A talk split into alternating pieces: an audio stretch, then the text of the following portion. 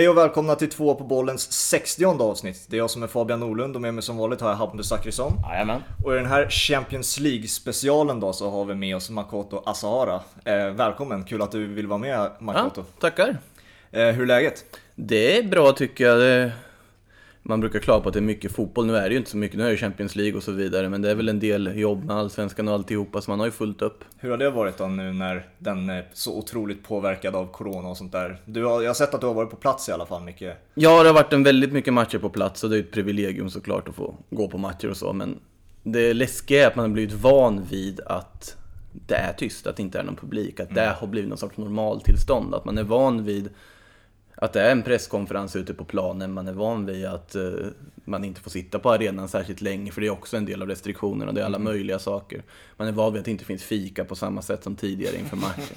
ja, men allt möjligt, alla möjliga detaljer och sen att det är tyst och man hör spelarna. Det är nästan lite läskigt att man har blivit van vid det, för att, och lite ja. tragiskt på ett sätt, för att det saknas ju så otroligt mycket publik. Mm. Ja men det tänker jag också på när man ser liksom highlights från, ja, inte allt för gamla matcher, bara ett år liksom och så bara shit just det, det är så det är när man får höra ett riktigt måljubel liksom. Mm. Eh, som jag håller med, det är läskigt hur fort man har vant sig och hur ovant det känns att höra liksom ett klassiskt engelskt måljubel. Mm. Hur tycker du att det här med tillagt ljud på Champions League-matcher och sånt funkar då? Är, det, är du ett fan av det? Alltså jag tyckte i Spanien funkade bra, ja. när de körde det. Men det var ju, då hade de ju också Alltså den här fake-publiken på läktaren och så vidare och ljud. Jag tyckte ändå att det funkade ganska bra. Jag blev förvånad att det gjorde det. Mm. För att det var ju en skillnad när man satt sig och kollade på Serie A där det var helt tyst. Mm. Så var det ju träningsmatchkänsla, att man blir ändå lurad av det. Ja. Sen var det ju lite konstigt när det är, låter som att det är 40 000 på läktarna när det var på Real Madrids träningsanläggning. Ja. läktare på 6 000. Men jag tyckte ändå om det i Spanien, det gav någon sorts man, falsk säkerhet och falskt lugn på alltihopa. Så att man blev ju lurad av det lite omedvetet. Ja. Det hade ju aldrig funkat i Allsvenskan på samma sätt, det är en annan, annan typ av ljudkuliss också. Ja. Nu i alla fall så spelas ju Champions League på, inte samma arena väl? De delar Nej, det är två, två olika arenor. i Lissabon de har Exakt. Eh, först och främst innan vi tar matcherna och spelare specifikt. Vad, vad tycker du om upplägget? Att eh, spela som en, ett VM-slutspelsträd liksom i, i en och samma stad. Vad tycker du funkar eller? Ja, alltså det fanns inte så mycket andra alternativ att kunna spela klart det. Nej. I och med att du kan ju inte åka runt hit och dit heller. Du visste inte hur det skulle se ut under nu sommaren och jag förstår fortfarande inte hur de har tänkt att börja spela. Alltså jag förstår inte hur det ska gå med kvalmatchen de håller på med nu till Champions League. Jag förstår inte hur de har tänkt att börja spela landskamper nästa månad. Nej. Hur planen överhuvudtaget ligger. Nations League ska ju dra igång. Mm. Vilket är helt bisarrt tycker jag. Att de, hur, hur ska det gå liksom? Sverige är väl svartlistade i halva Europa ändå. Ja. det är ingen som vill åka hit av förklarliga skäl. Så att jag förstår inte hur det ska gå till. Så att det där systemet tycker jag ändå är det funkar i det här sammanhanget. Jag tror kanske inte att det är någonting att jobba för i framtiden Nej. riktigt. Men det är ju också att då måste man ju få se det med publik för att förstå hur det egentligen skulle vara. Nu är det ju lite dött alltihopa, tyvärr. Vad tycker du om enkelmatcher då? Ja, det är ju kul. I jämförelse då... med dubbelmöte så Alltså, jag kan, utöver att man får se mer fotboll så kan jag egentligen inte se fördelen med dubbelmöte, egentligen. Fast det är ju hemma borta med publik. Så då är det ju, men då ska man ju ha det i en turneringsformat och ha det på ett ställe och ha final eight, eller mm. vad det nu blir för någonting. Så det kanske är ett alternativ för att göra det lite lättare i fotbollskalendern och så vidare. Men eh, jag vet inte.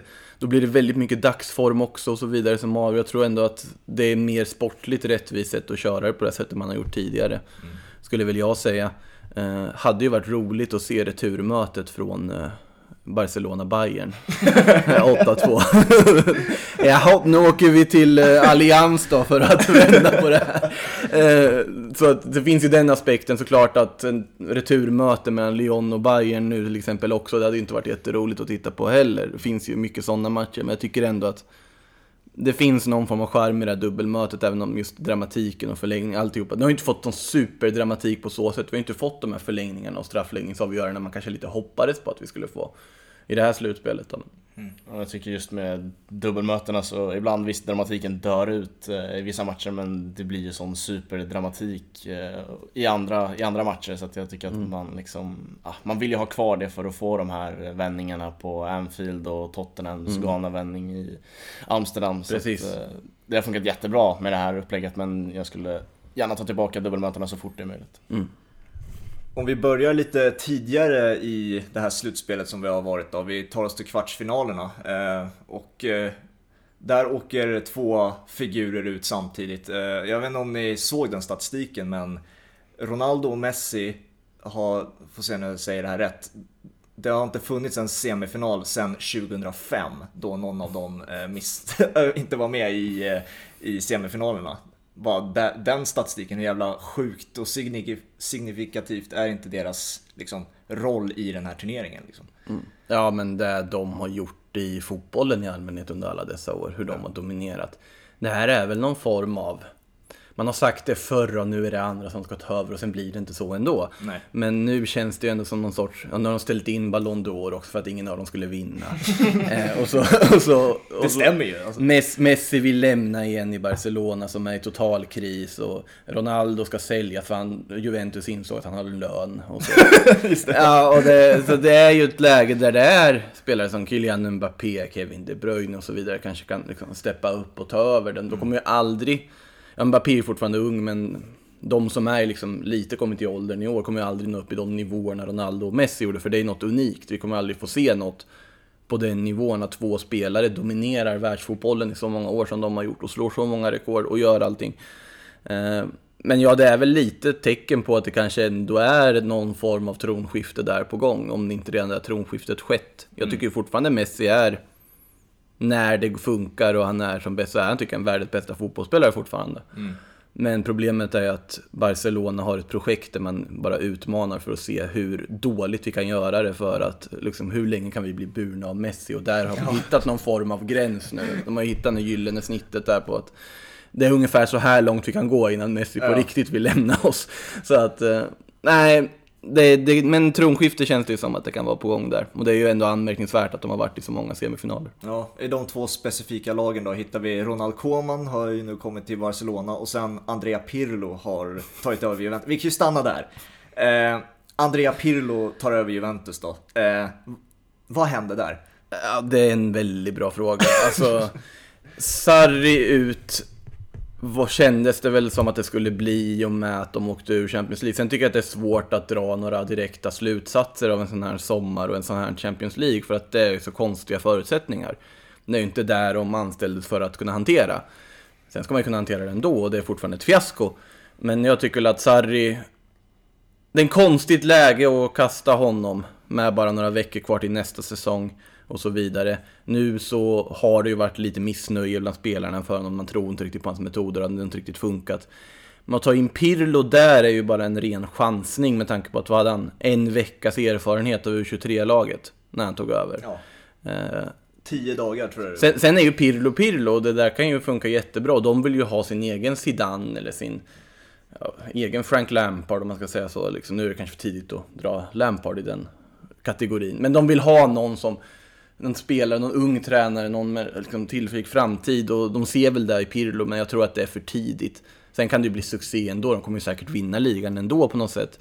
Men de ska bygga om truppen på väldigt kort tid nu, det är väldigt många positioner som måste fixas där och det känns ju som en... Det här kan gå riktigt fel. Mm. Ja, jag kan tycka... Det kändes som när Sarri fick sparken och eh, när de torskade mot Lyon att ja, det kanske var det bästa som kunde hända Juventus, att de inte lurades att ha kvar någon för att man tar sig till en semi eller till och med en mm. final. Eh, men sen att ta in Andrea Pirlo känns ju som att man liksom börjar jonglera med den där scudetton som man egentligen har varje år i sina egna händer. Eh, otrolig chansning, kan, kan bli jättebra som du är inne på, men eh, att hålla på och chansa eh, känns lite onödigt kan jag tycka. Mm.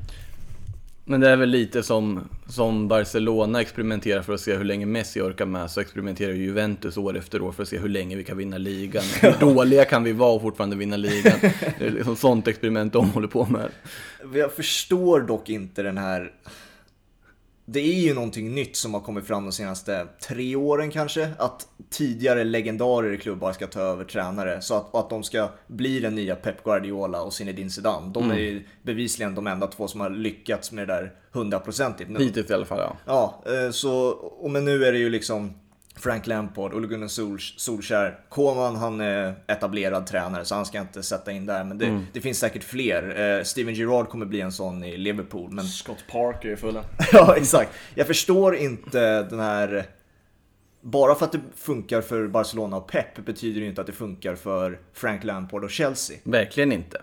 Men eh, det där tror jag också att nu kommer jag inte på några namn på raka men om man tittar på de här gamla man tänker som etablerade, de började ju någonstans också.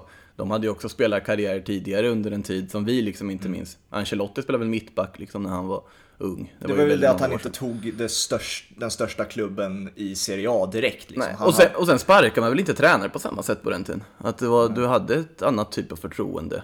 Mm. Och, eh, och så vidare. Du hade en annan typ av rekryteringsprocess. Så det var inte samma sak att du hade inte media som trycker på på samma sätt. Du var inte lika inclined att kicka tränaren så fort du har ett pinsamt pinsam resultat i Champions League. Eh, nu är det ju en annan miljö där det är mycket mer pengar på spel, det är större krav som ställs och så vidare. Och så har du väldigt många klubbar som just jagar den här Champions League-titeln och bygger sina projekt på att jaga Champions League-titeln. Och tänker jag ju på Juventus, Paris, eh, Manchester City. Mm. Som är desperata på att vinna den här. Eh, och där ryker ju ifall du inte lyckas. Nu har ju Guardiola fortfarande varit så pass bra att han ändå får vara kvar på något sätt där. Och jag tycker väl att man ska inte kasta honom, men man måste ju börja ställa sig frågande till att det är ändå tre raka kvartsfinalstorsk på dem. Mm. Så att, men det, det är svåra krav och så vidare och sen vet jag inte vart jag ville komma med det här riktigt.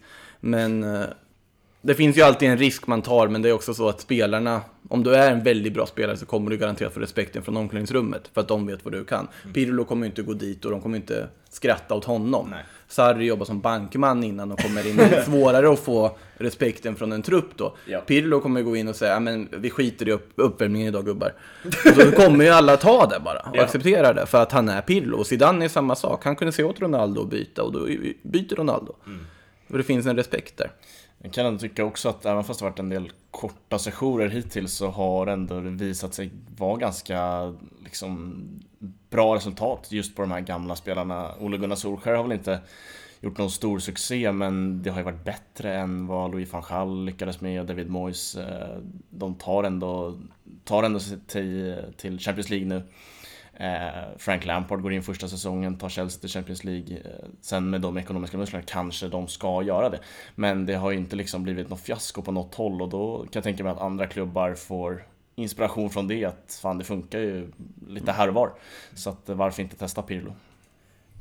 Innan vi går in på City då och eh, deras uttåg så tänkte jag att vi kunde avsluta Barcelona-snacket med att bara ställa frågan. Kommer Messi vara kvar nästa säsong? Ja, det är en väldigt bra fråga. Eh, man tror ju att han... Man har blivit van vid att han säger att ja, men jag vill lämna, jag är trött på ledningen och sen yeah. så löser det sig ändå. Mm. Nu är det ju... Om Viktor Font skulle komma in och bli president nu, då tror jag att han skulle kunna övertala Messi att stanna. Här och nu är frågan, hur orkar han ett halvår med Bartomeu till? Bra fråga. Och vad tycker han om Koman in i det här projektet? Koman är ju inte heller den typen av tränare som av liksom erfarenhet tar hand om veteraner. Han har inga problem med att kasta veteraner. Nej. Minns när han tog Valencia, det var ju ett megafiasko där. Men det första han gjorde då var ju bland annat, han, det var tre av de stora liksom, ikonerna i klubben. Albelda var en av dem vet jag.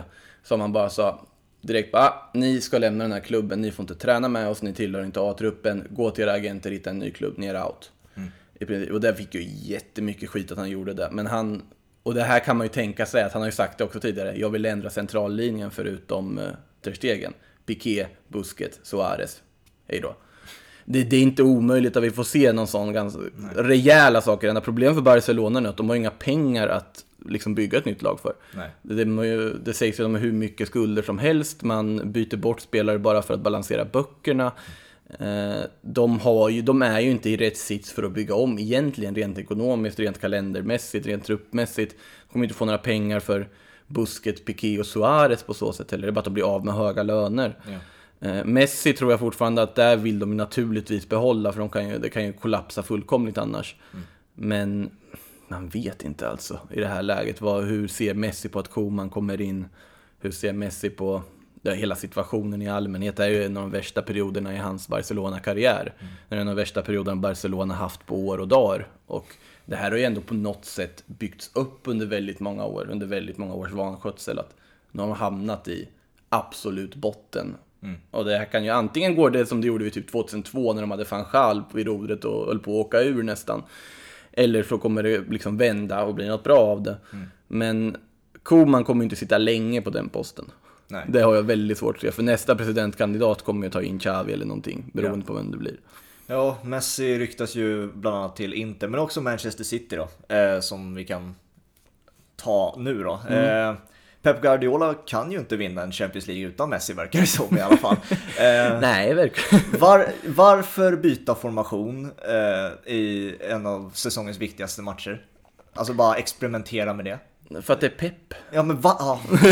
Jag förstår inte det där alltså.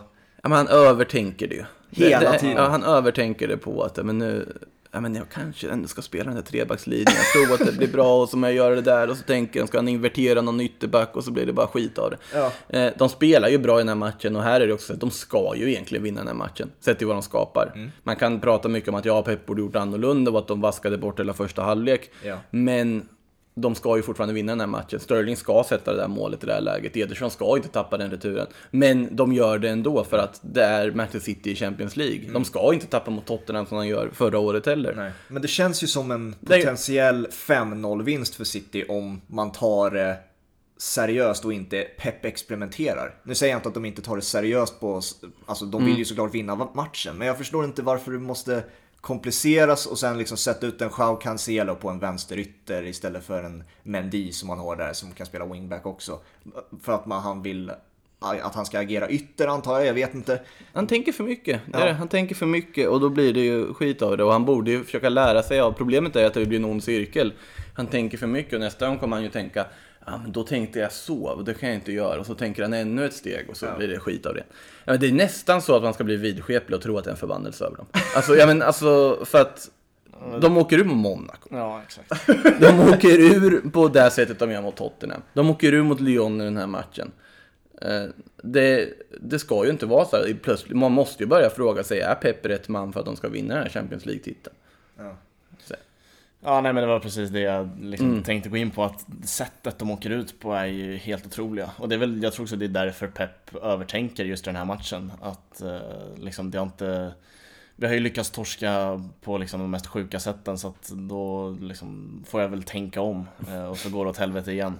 Eh, men sen är det också, man kan ju snacka om Pep hur mycket man vill men det är ju individuella misstag och det grövsta i den här matchen. Mm. Eh, Raheem Sterlings miss är ju Ja, vi har sett några sådana i Allsvenskan i år men eh, liksom i, på den här nivån så ska det inte få hända. Eh, och sen Ederson tappar den, det är ju alldeles för dåligt. Så att mm. eh, de individuella misstagen får man också ta med. Eh, men självklart så sätts ju blickarna mot Pep när han gör som han gör. Men det är ju det, Sterling missar ju inte det där 99 av 100 gånger. Ederson tappar inte den bollen 99 Nej. av 100 gånger. Nej. Så att det är ju det är väldigt svårt för en tränare att veta vad ska man göra då. Ja. Det är som eh, jag vet om man ska dra en allsvensk parallell där så till exempel Hammarbys offensiv eller Göteborgs eh, poängbrist här. De vet ju inte vad de ska göra för, men vi spelar ju bra, det funkar ju, men det går inte riktigt att förklara vad det här sista som fattas är på något sätt. Nej. Här är det ju marginaler som bara inte finns på en helt bisarr nivå. Det är väldigt svårt att göra något som tränare åt det. Ja. Och det är det jag menar med att det är dags att bara hämta en häxdoktor och bara plocka bort det där spöket på något sätt. För det är ju någonting som sitter där. Ja. De det är något som vill att de inte går vidare. De åker ut mot Lyon då, som både slår ut Juventus och Manchester City. Mm. Och jag sa det till Hampus när jag tittade på matcherna, alltså, de gör ju inget speciellt. Det är ett bra organiserat lag, men det är ju inget speciellt lag. Det är ju väldigt mediokra spelare på många positioner. Och så är det några som sticker ut. Awar var fantastisk mm. bland annat. Men liksom, Ja, ska man, hur mycket cred ska man faktiskt ge Lyon och hur mycket skit ska man ge de andra storklubbarna att de faktiskt inte klarar av att bryta ner den här fembackslinjen? I, I Juventus fall, då var det ju snarare så att man tappade i den första rundan innan Corona. Mm. För att man vinner ju ändå matchen. Det ska ju egentligen räcka. Eh, men sen ska man väl ge Lyon väldigt mycket cred, även om det inte är att man skräller på samma vackra vis som Ajax gjorde, om vi säger så eller liksom samma ögonfallande vis så gör de det ändå tillräckligt bra att de ändå stör de här lagen tillräckligt mycket för att gå vidare. Tycker de gör det ganska bra här mot Bayern München i semifinalen också, första 20 ungefär. Och sen har inte de marginalerna på sin sida. Om att Toko Ekambi spelar en uh, semifinal i Champions League. Fascinerande tycker jag i och för sig, men, uh, men till exempel han då, att om han sätter någon av de där lägena så hade det kunnat varit en helt annan match. Ja. Uh, jag tycker man ska ge dem cred, absolut. Och det, det är en väldigt konstig säsong för Lyon, för de har varit bedrövliga i ligan. De har haft interna stridigheter. Det har inte alls varit harmoniskt hos dem som det brukar vara. Och man lyckas ändå ta sig i semifinal i Champions League. Det är inte den här truppen man trodde skulle göra det. inte den här uppsättningen av Lyon som man trodde skulle göra det. Men de lyckas alltjämt. Men såklart man ska lägga väldigt mycket frågetecken på både Juventus och Manchester City också. Så är det så det är en kombination. Jag tycker man ändå får tillskriva rätt mycket till eh, Rudi Garcia som har visat vilken skicklig matchcoach han är. Eh, de hade förutsättningarna mot Juventus, de visste vad som krävdes. Eh, de vet att Ronaldo gör mål, men de pressar ändå honom till att göra hattrick, vilket han inte lyckas med i den matchen. Sen tycker jag han har visat en liksom, jävla pondus. Han verkligen vill det här och känner att det här laget har det som krävs, vilket de bevisligen hade för att ta sig ändå till semifinal. Eh, så att jag imponeras av det ändå han har gjort i de två matcherna och även Bayern München. Eh, trots att Bayern München blir klara segrare där. Det är ju en bra tränare liksom, ja. så är det ju.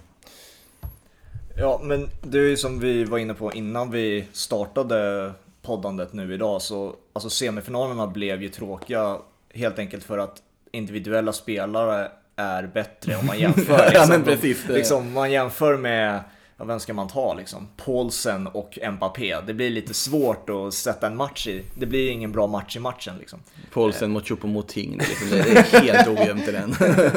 ja, eh, alltså. Kan det vara de tråkigaste semifinalerna vi har haft på väldigt länge i alla fall? Det kan det nog vara. Alltså, Leipzig-Paris vart ju ty tyvärr väldigt tråkig match på grund av att Paris var så fruktansvärt bra. Mm.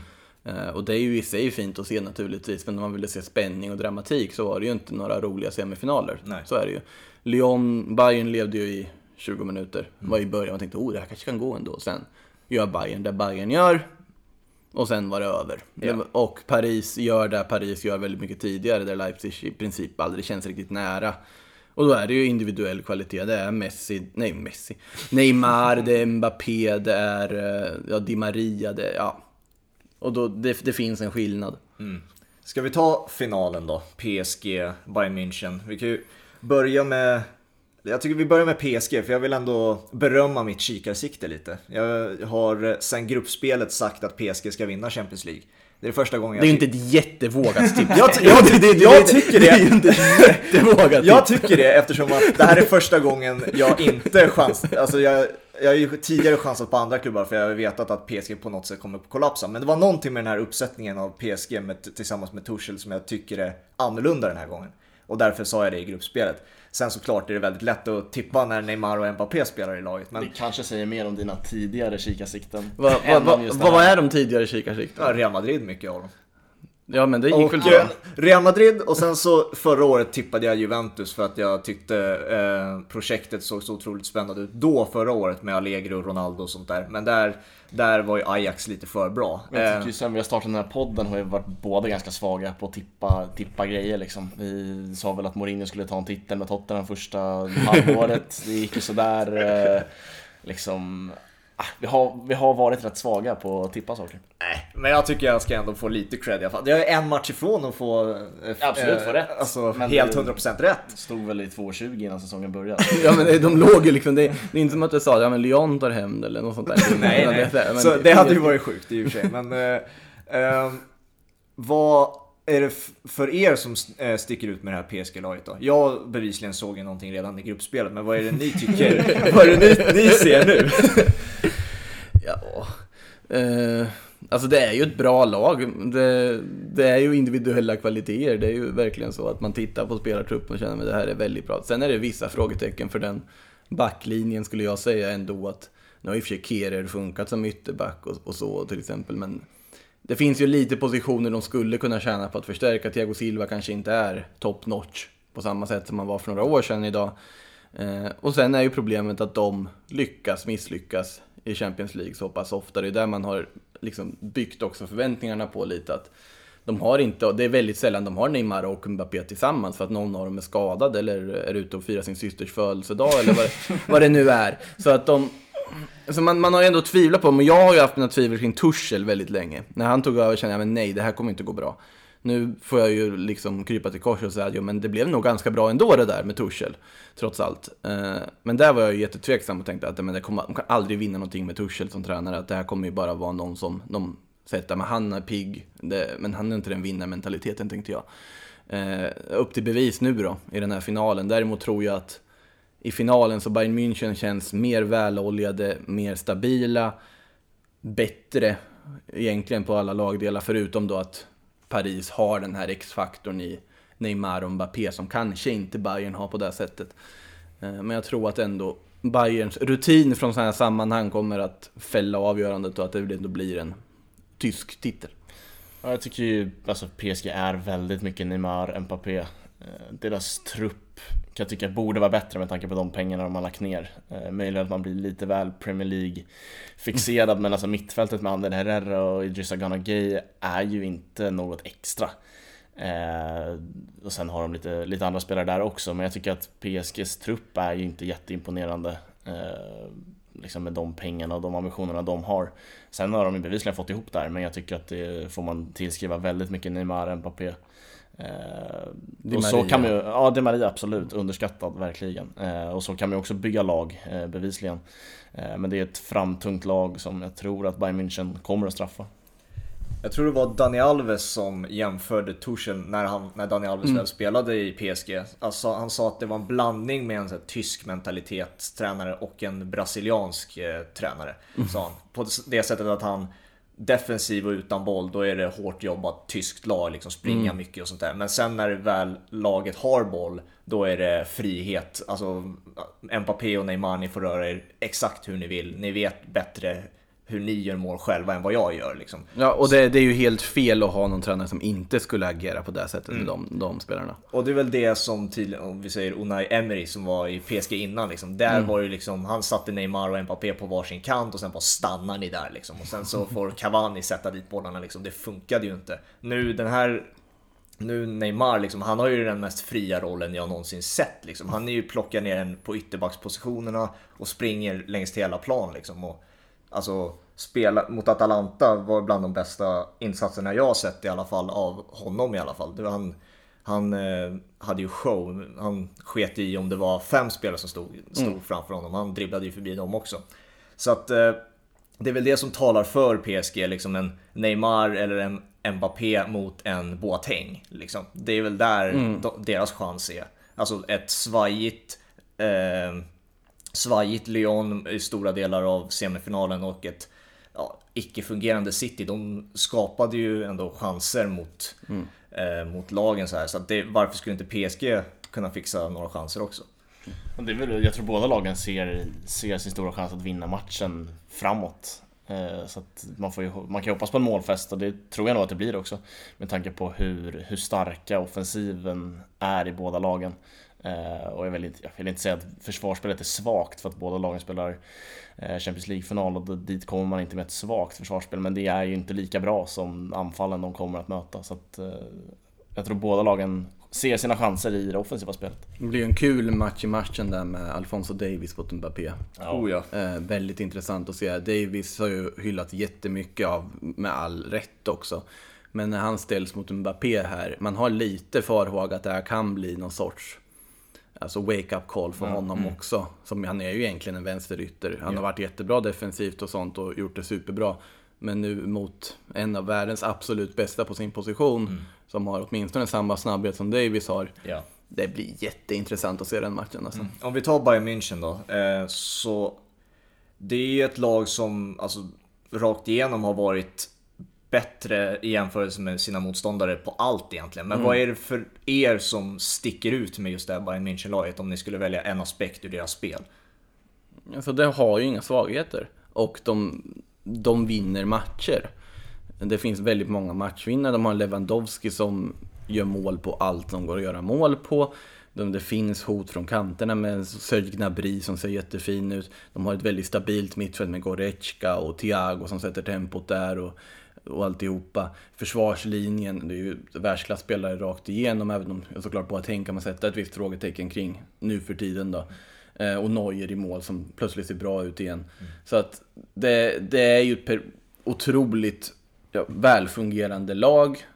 på alla sätt och vis organiserat, de stressar inte upp sig i onödan, de bara gör sitt jobb och går ut och kör.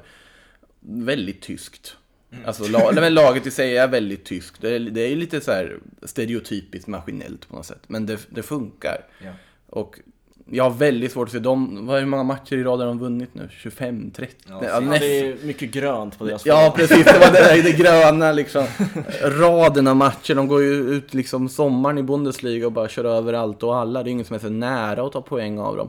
Och jag har så otroligt svårt att se att Paris ska... Det hade ju just varit på grund av det som de plötsligt då förlorar en final naturligtvis. Ja. Men Nej, på förhand skulle jag säga att Bayern är favoriter med tanke på det de har gjort och att jag aldrig, man har aldrig trott den effekten när Hansi Flick kommer in och tar över. Att det skulle få den effekten som det har fått, det är ju otroligt imponerande. Ja, jag tycker liksom effektiviteten absolut. Man gör åtta mål på Barcelona och gör ju liksom över 2,5 i, i varenda match egentligen. Men jag tycker det som stod ut mest mot Barcelona är ju pressspelet. Man vinner ju bollar helt sjukt högt upp. Även om Barcelona mm. kanske har haft problem med tyska gegenpressen innan Lex Anfield Liverpool. Men det är ett otroligt pressspel. Eh, de har liksom käkar ju upp ett lag som Barcelona. Eh, så att det där pressspelet har de ju suttit, alltså det sitter ju också väldigt tidigt. Hansi Flick kom ju inte in, eller kom in inte alls för länge sedan. Mm. Eh, så att, är otrolig maskin.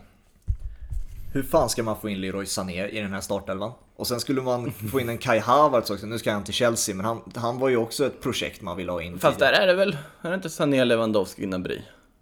Vad spelar då? Är det per, Eller har jag glömt per, någon nu? Perisic är ju där, sen har Men Perisic Kings... lämnar väl? Ja, det är låneavtalet tar slut. Det är, de har inte bestämt. Så där är han ju out och då äh... har du ju Sané in där. Sané känner, det är ju den spelartypen du på något sätt saknar skulle jag säga. Kingsley Coman ska också, har vi också där. Ja, han kommer inte nå den nivån skulle jag säga. Uh, har inte riktigt sett storheten hos Coman. Men Gnabry, Gnabry, Lewandowski, Sané måste ju vara starttrion. Ja. Sen är jag ju mer intresserad av hur de ska ersätta Thiago. Oh ja. Om de har tänkt att spela Joshua Kimmich som mittfältare eller om de har tänkt att spela Tolisso. Mm. De kommer ju inte värva någonting vad det verkar. Jag tror att de är klara med Sané. De har ju sagt att vi har inte mer pengar än så, that's it liksom. Mm. Så att, och Thiago lämnar. Så då är det ju en, det är en lucka där. Men det finns en spelare som kanske kan kliva upp och ta den också. Och, ersätta en högerback. Om nu Kimmich ska spela mittfältare behöver de en högerback också. Ja, det är väl Pavard där som... Eh, ja, just det. Ja, i och för sig det är sant som, som får ta högerbacken där. Men det finns inte så mycket backup bakom honom. Liksom. Odriozola som var på lån försvinner. Han gjorde ju ingen nytta där direkt. eh, men det är, det är ju ett väldigt bra lag som... De började ju på sin föryngring process redan tidigare på något sätt och nu får man väl på något sätt se frukterna av det för de har inte varit så jättebra de senare åren egentligen. Även om de vinner tyska ligan Eh, på ren och skär rutin så har de ju inte varit superövertygande egentligen på det här sättet ute i Europa som vi ser dem nu. Eh, men man kände ju redan nu, det är lätt att sitta här och säga nu naturligtvis, men när de började spela så pass bra som de gjorde i, ja, typ där vid årsskiftet i våras, tänkte man, men de här kan ju ta alltihopa. Mm. Ja, som Liverpool-supporter har man inte blivit mindre sugen på Thiago eh, efter, efter de här matcherna. Att han också funkar funkar så otroligt bra i, i ett lag som ändå är ganska likt Liverpool i alla fall i pressspelet. Eh. Men där måste du ändå göra om mittfältet, det blir ett helt annat Liverpool dock. För att om du tar in Thiago så måste, då kommer, för det som har varit så fungerande i Liverpool om vi går in på dem, det är ju liksom Henderson, Wijnaldum och Fabinho. Ja, Den rollfördelningen och hur de har arbetat har funkat perfekt. De kanske är 4 plus mittfältare, ja. alltså styck. Men tillsammans har de ju varit 5 plus. Ja. Men det är väl så att Klopp då måste ha identifierat att men vi måste få in någon form av temposättare, vi måste få in någon form av passningsfot som inte riktigt finns i det här laget nu för att ta nästa steg. Men det, det, kan ju också slå slint när du plötsligt då ska ha ett mittfält där allting går genom Thiago. Ja. Snarare än hur det har varit nu innan där du snarare mest har gått genom Trent eller någonting på kanten. Så att det, eh, det, är ju ett intressant, det blir ju jätteintressant för Liverpool om Thiago nu skulle komma in och nu betalar de pengarna som Bayern München kräver. Det ska ju låtas vara osagt fortfarande också. eh, men det kommer ju vara ett förändrat Liverpool och kan, kommer det innebära att Liverpool tar ännu ett kliv och liksom vinner trippel nästa år? Eller kommer det innebära att Klopp leker med elden lite? Ja, vi ska inte bli för långrandiga kring Liverpool, men jag tycker att liksom Naby Keita har liksom egentligen de egenskaperna som Thiago besitter fast på en lite sämre kvalitet möjligen. Eh, och liksom vad händer med han då? Det var ju en, en ganska dyr värvning mm. eh, trots allt. Och spela Naby Keita och Thiago samtidigt, det har jag väldigt svårt att se. Fast Keita är väl mer, ändå lite mer box to box. Ja, Thiago ska ju ligga där och hämta boll i knät på e- eget försvar. Mm. Bara styra. Nu, nu har vi det här passningstempot. Nu liksom, saktar vi ner. Nu går vi på kontring. Det är han som ska styra det. Ja. Och om inte man låter Thiago få styra så är det ingen idé att ha Thiago. Nej. Finns det en mer begåvad spelare med bollen än Thiago? Svårt att se det. Alltså, alltså spelintelligent spelare är svårt att se och det är det som också gör det. Det är så helt oförklarligt varför Barcelona inte har pushat för att få tillbaka honom. Nej. Jag såg ju en del liksom att, eh, jag kommer inte ihåg vem det var, men det var liksom värvningen av Cesc Fabregas, att det har varit kanske Barcelonas sämsta genom tiderna för att det gjorde så att Thiago Alcantara fick flytta på sig. Ja. Det ligger något i det. Ja, det... Sen har den ju också ryktats till PSG Thiago också. Och det hade ju varit speciellt om... Men då ska Verratti bort då? Ja, någon av dem där. Men det, är, alltså, all, det finns ju utfyllnadsspelare i det där mittfältet. Alltså Draxler och eh, sen finns det väl någon fler som jag inte kommer på nu. Bara Paredes. Paredes. Ja, I och för sig, han gjorde, ja, han gjorde det bra. Han är duktig. Men liksom, det finns ju spelare där som man lätt kan flytta på för att få in en Thiago. Liksom, för att där snackar vi nivåskillnad. Eh, mm. Så att, tycker PSGs mittfält är ganska likt Liverpools. Eh, slog mig nu att det är liksom... Att det är väl fyra plus-spelare på liksom sina enskilda kvaliteter men tillsammans kan de bli fem plus i ett väl, väl fungerande lag. Eh, det är ingen egentligen temposättare i PSG. Verratti. Mm. Ja, är väl ändå, han är ganska underskattad skulle jag säga också. Nu är han ju skadad i och för sig, så det är därför man får jobba med annat material. Men där har du någon som har varit, och jag tror att du har svårt att sätta in Verratti och Thiago tillsammans. Mm. kanske blir jättefint, det är kanske den nya grejen att ha två, två stycken. vad, är statusen på, vad är statusen på Verratti? Kommer han starta? I, ingen aning måste jag ärligt talat säga. Nej. Han stod där och såg glad ut på bänken. det är så mycket jag vet. han kanske, nej han flyger in säkert där. Det, det blir en spännande final. Om vi ska tippa slutresultatet då. Eh, jag eh, ska ju stå fast vid min tippning då. Så att, eh, mm. eh, jag säger 2-2 och sen straffar och PSG vinner på straffar. Vem sätter avgörande? Neymar. Choupo-Moting? Nej. Men han måste ha kommit in då. Om det är 2-2 då har han ju kommit in. han byter ju inte in Icardi efter den shitshowen på Ja just mot det, Atalanta. Icardi. Köpte de inte loss honom? Jo. Ja, det var ju smart. Nej men eh, jag lutar åt att Bayern München vinner det här. Slutresultat är jättesvårt men säg, säg 4-2 då. Oj. Det blir en redig, redig målshow där eh, Bayern München drar det längsta strået. Jag säger 2-1 eh, Bayern då.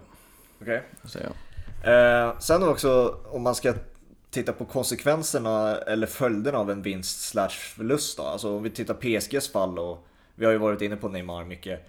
Alltså hans projektet kring Neymar var ju att vinna en Champions League. Och många, jag tror många har sett honom lite som en ett misslyckande i PSG just då eftersom att du var inne på att han festade hellre med sin syrra än ja, med mycket skador och sånt där. Eh, Senare år ja. Ja, så vad om PSG vinner, är det alltså mission completed? På ett sätt är det väl det. På, på många, eller många sätt är det ju det. Att det är ju den titel de saknar. Mm. Det här projektet. Alltså franska ligatiteln, den tar man ju sovandes. Ja. Den får man ju även om de inte lyckas ta den på att de ställer in ligan. Bevisligen. Alltså de, de kan inte tappa den. Eh, men så det är ju Champions League. Mm. Och såklart det är så. Sen skulle jag säga att projektet är ju inte misslyckat på så sätt. På att Neymar, måste ju komma ihåg när han kom dit. Han var ju inte dålig de där första matcherna. Nej, där nej, han var helt han... otrolig. Jag är med dig för att, eh, mm. för att jag tycker många, alltså alltså nedvärderar hans eh, alltså, kvalitet, det, kvalitet rakt igenom. Ja. Alltså hans poängsnitt är sinnessjukt. Även om det är liga, alltså även mm. i Champions League. Han levererar varje gång. Sen har han haft otur att han har en jävligt svag fotled. För det är ju samma fotled som har gått av mm. två år i rad liksom. Så att det... Och, nu och han när... får ju mycket stryk. Ja, mycket. Den typen av spelare. Och det, det där är ju också minns diskussionen som var uppe där i något VM när han fick så mycket smällar och sånt där. Och alla bara, ah, han filmar och ja. det kommer memes på det där. Det var ju roliga memes i och för sig. Ja. men, men det var, jag minns det var någon situation där man mötte Mexiko. Ja, och så var det någon så här vidrig stämpling han får. Mm. Och den som får skiten är Neymar för han överdriver situationen. Men, men skojar ni med mig? Liksom, mm. Vad ska han göra då? Mm. liksom, den mexikanska har tokrött på den, det är ju blodrött kort. Uh, så jag tycker att man måste, det låter ju också så kliché, men man måste skydda de här spelarna bättre på ett sätt. Mm. Jag, är ju, jag stör mig inte lika mycket på förstärkningar i vissa situationer, på att de får så mycket smällar som man inte ser. Och det gör så ont tror jag. Mm. Eh, men sen är det ju så här, det finns ju flyttrykten. Barcelona vill jag tillbaka, han vill väl tillbaka dit någon gång också. Mm. Eh, de pengarna finns ju dock inte nu. Nej, men, jag, jag, jag, tror ju mer Real Madrid faktiskt, eh, på Neymar. Det känns... Nej, jag, jag tror det. Det, det. det tåget har gått alltså. Det är ju Mbappé. Förr eller senare. så är det ju. Han kommer till Real Madrid förr eller senare. Det, det, har jag sagt i flera år. vi får se om det, vi har sagt någon gång, jag vet inte när, men någon gång kommer Mbappé att spela för Real Madrid. Alltså så här, det, det jag har emot Neymar som gör att jag inte rankar honom, alltså Ronaldo Messi, liksom, tänk, tänker nog aldrig ranka någon så högt som dem, men att mm. liksom, Neymar inte har vunnit en Ballon d'Or, det är väl på grund av skadorna. Kan mm. tycka att det är någon slags skicklighet av Ronaldo att aldrig vara skadad. Mm. Eh, får väl ta mm. minst lika mycket skit eh, på plan som Neymar. Eh, så mm. det är ju de där skadorna som har satt stopp för liksom nå, nå den absolut högsta nivån men alltså, han har ju varit helt otroligt bra. Jag tyckte det var kul, Fabian skrev ju till, liksom, i, i vår gruppchatt liksom, minut 75 mot Atalanta att så här, Neymar är ju bäst i världen. Bara så här, pratar om, de håller på att åka ut här. Eh, sen fick han ju rätt till slut när liksom, Neymar har ja, burit dem till den här finalen. Mm. Så att, jag är extremt imponerad över det han har uträttat i, i det här slutspelet. Mm. Eh, vi kan ju ta det där Ballon d'Or-snacket då, i och med att det blev inställt. Och du var ju inne på det att när Ronaldo och Messi kanske inte ens är topp tre, då tar de bort eh, Ballon d'Or. Alltså, hur mycket sanning ligger det i det? Nej, alltså det... För jag har den konspirationsteorin alltså. ja, men vad, borde de inte vilja ha en Ballon d'Or ifall typ Neymar skulle vara så pass bra att han skulle vara aktuell för den? Alltså det är ju ändå France Fotbollspris. Jo, jag vet. Ja, men, det, alltså, det... men alltså jag vet, jag såklart man har konspirationsteorier och det är ju lite roligt. Mm. Eh, men jag kan tycka att det är väldigt konstigt att ta det här beslutet. Att det inte, ja. Jag vet att de vill ha en fair utdelning och så vidare, mm. men kom igen. Det finns Lewandowski mm. som hade varit en jättegod kandidat. Kevin De Bruyne lyfts som en kandidat av många också. Mm. Jordan Henderson?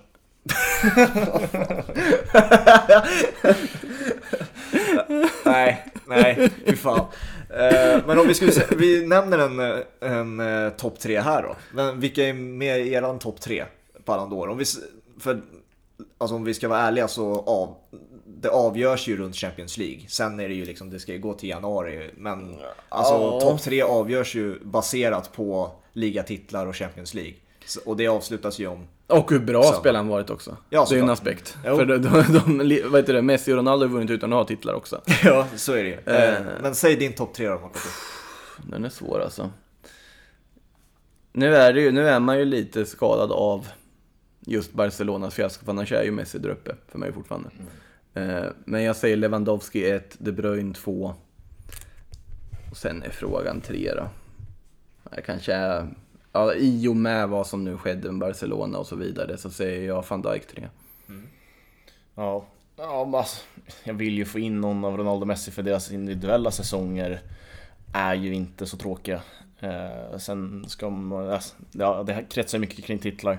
Eh, och sen är jag inte främmande för att få in van Dijk som topp tre i världen med tanke på Eh, mitt Liverpool-supporterskap. Men jag tycker Lewandowski är given. Han har en helt sjuk säsong. Eh, som sagt gör mål på allt som rör sig.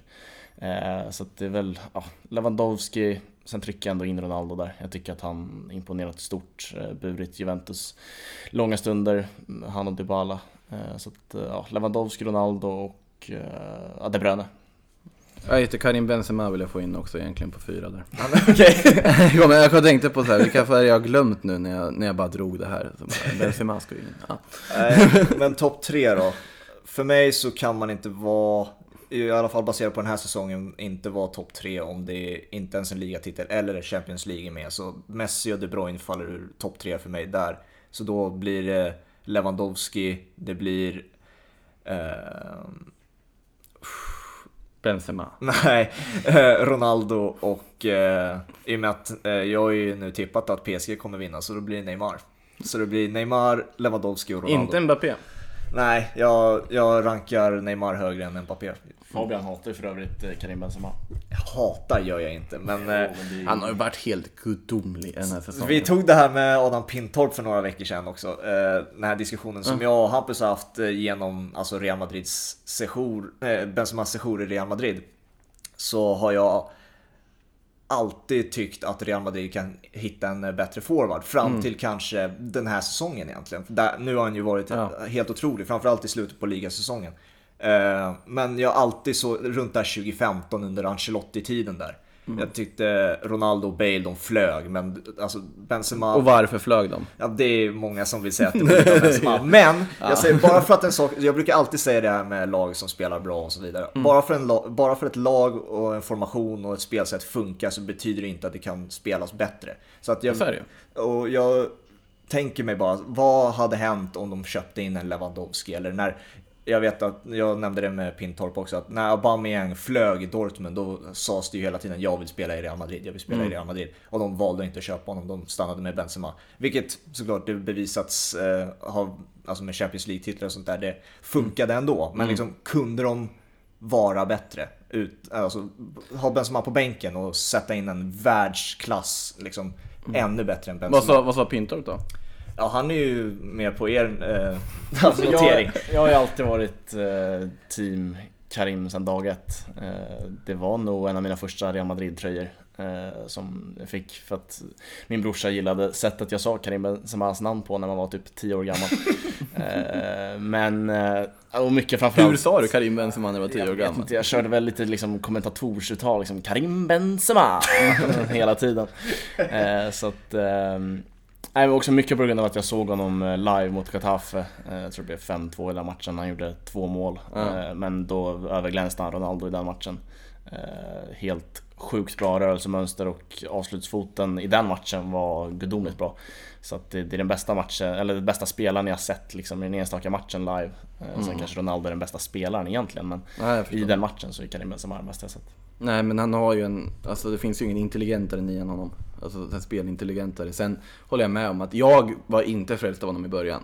Det tog ganska Nej. många säsonger innan jag tyckte att han eh, liksom höll måttet. Mm. För att han tyckte inte han var bra i början där. Alltså när, sen var, gillade jag Higuain så pass mycket när han var i sin prime. Så att ja. jag var irriterad att Higuain blev bänkad för Benzigol.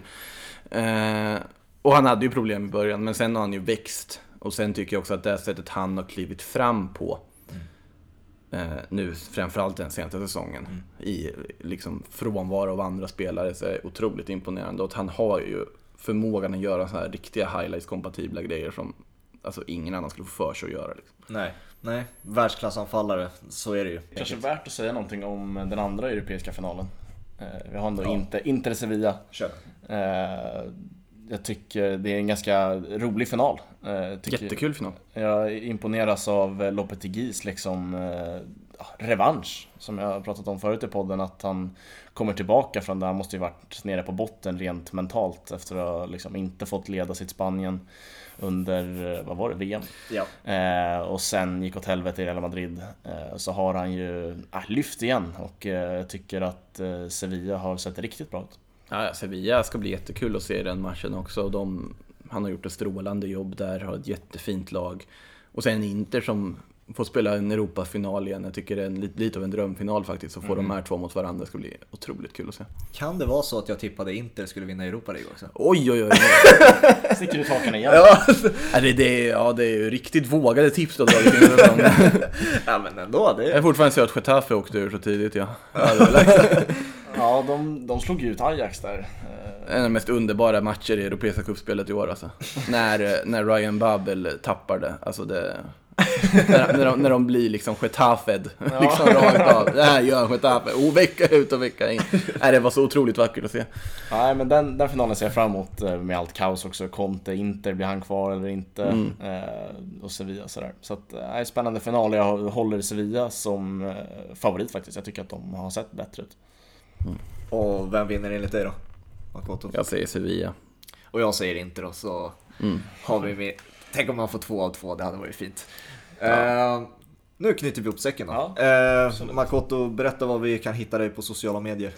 Ja, eh, Twitter, Asahara M kan ni ju gå in och titta om ni vill ha allmänna spontana funderingar om ja, fotbollsrelaterade saker och alla möjliga så här jag, jag har märkt det på mitt Twitterflöde nu för tiden, jag sitter ju bara och så här, ja nu ska vi spela in ett avsnitt podd.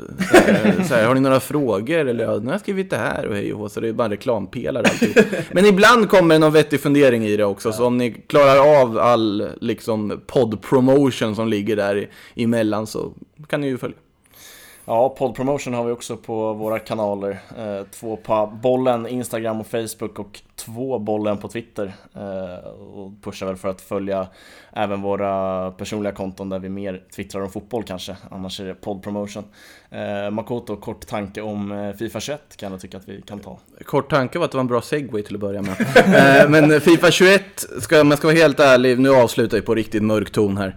Men eh, alltså spelet i sig när man har sett trailers och sånt där och efter att ha spelat det, alltså totala skeppsvrak som var Fifa 20. Ja. Bedrövligt, bedrövligt spel. Det ligger där, jag har varit så nära att slänga ut den där skivan. ja, rakt ut ur fönstret. Eh, men Fifa 21 har alla möjligheter att övertrumfa 20 i hur bedrövligt det är. För att det är så tydligt att det här spelet bara är ett skal. Alltså första trailern som kom, det är Mbappé som tar selfies och Haaland som gör jag vet inte vad. Och framsidan ser ut som att de ska släppa en musikvideo tillsammans allihopa. Ja.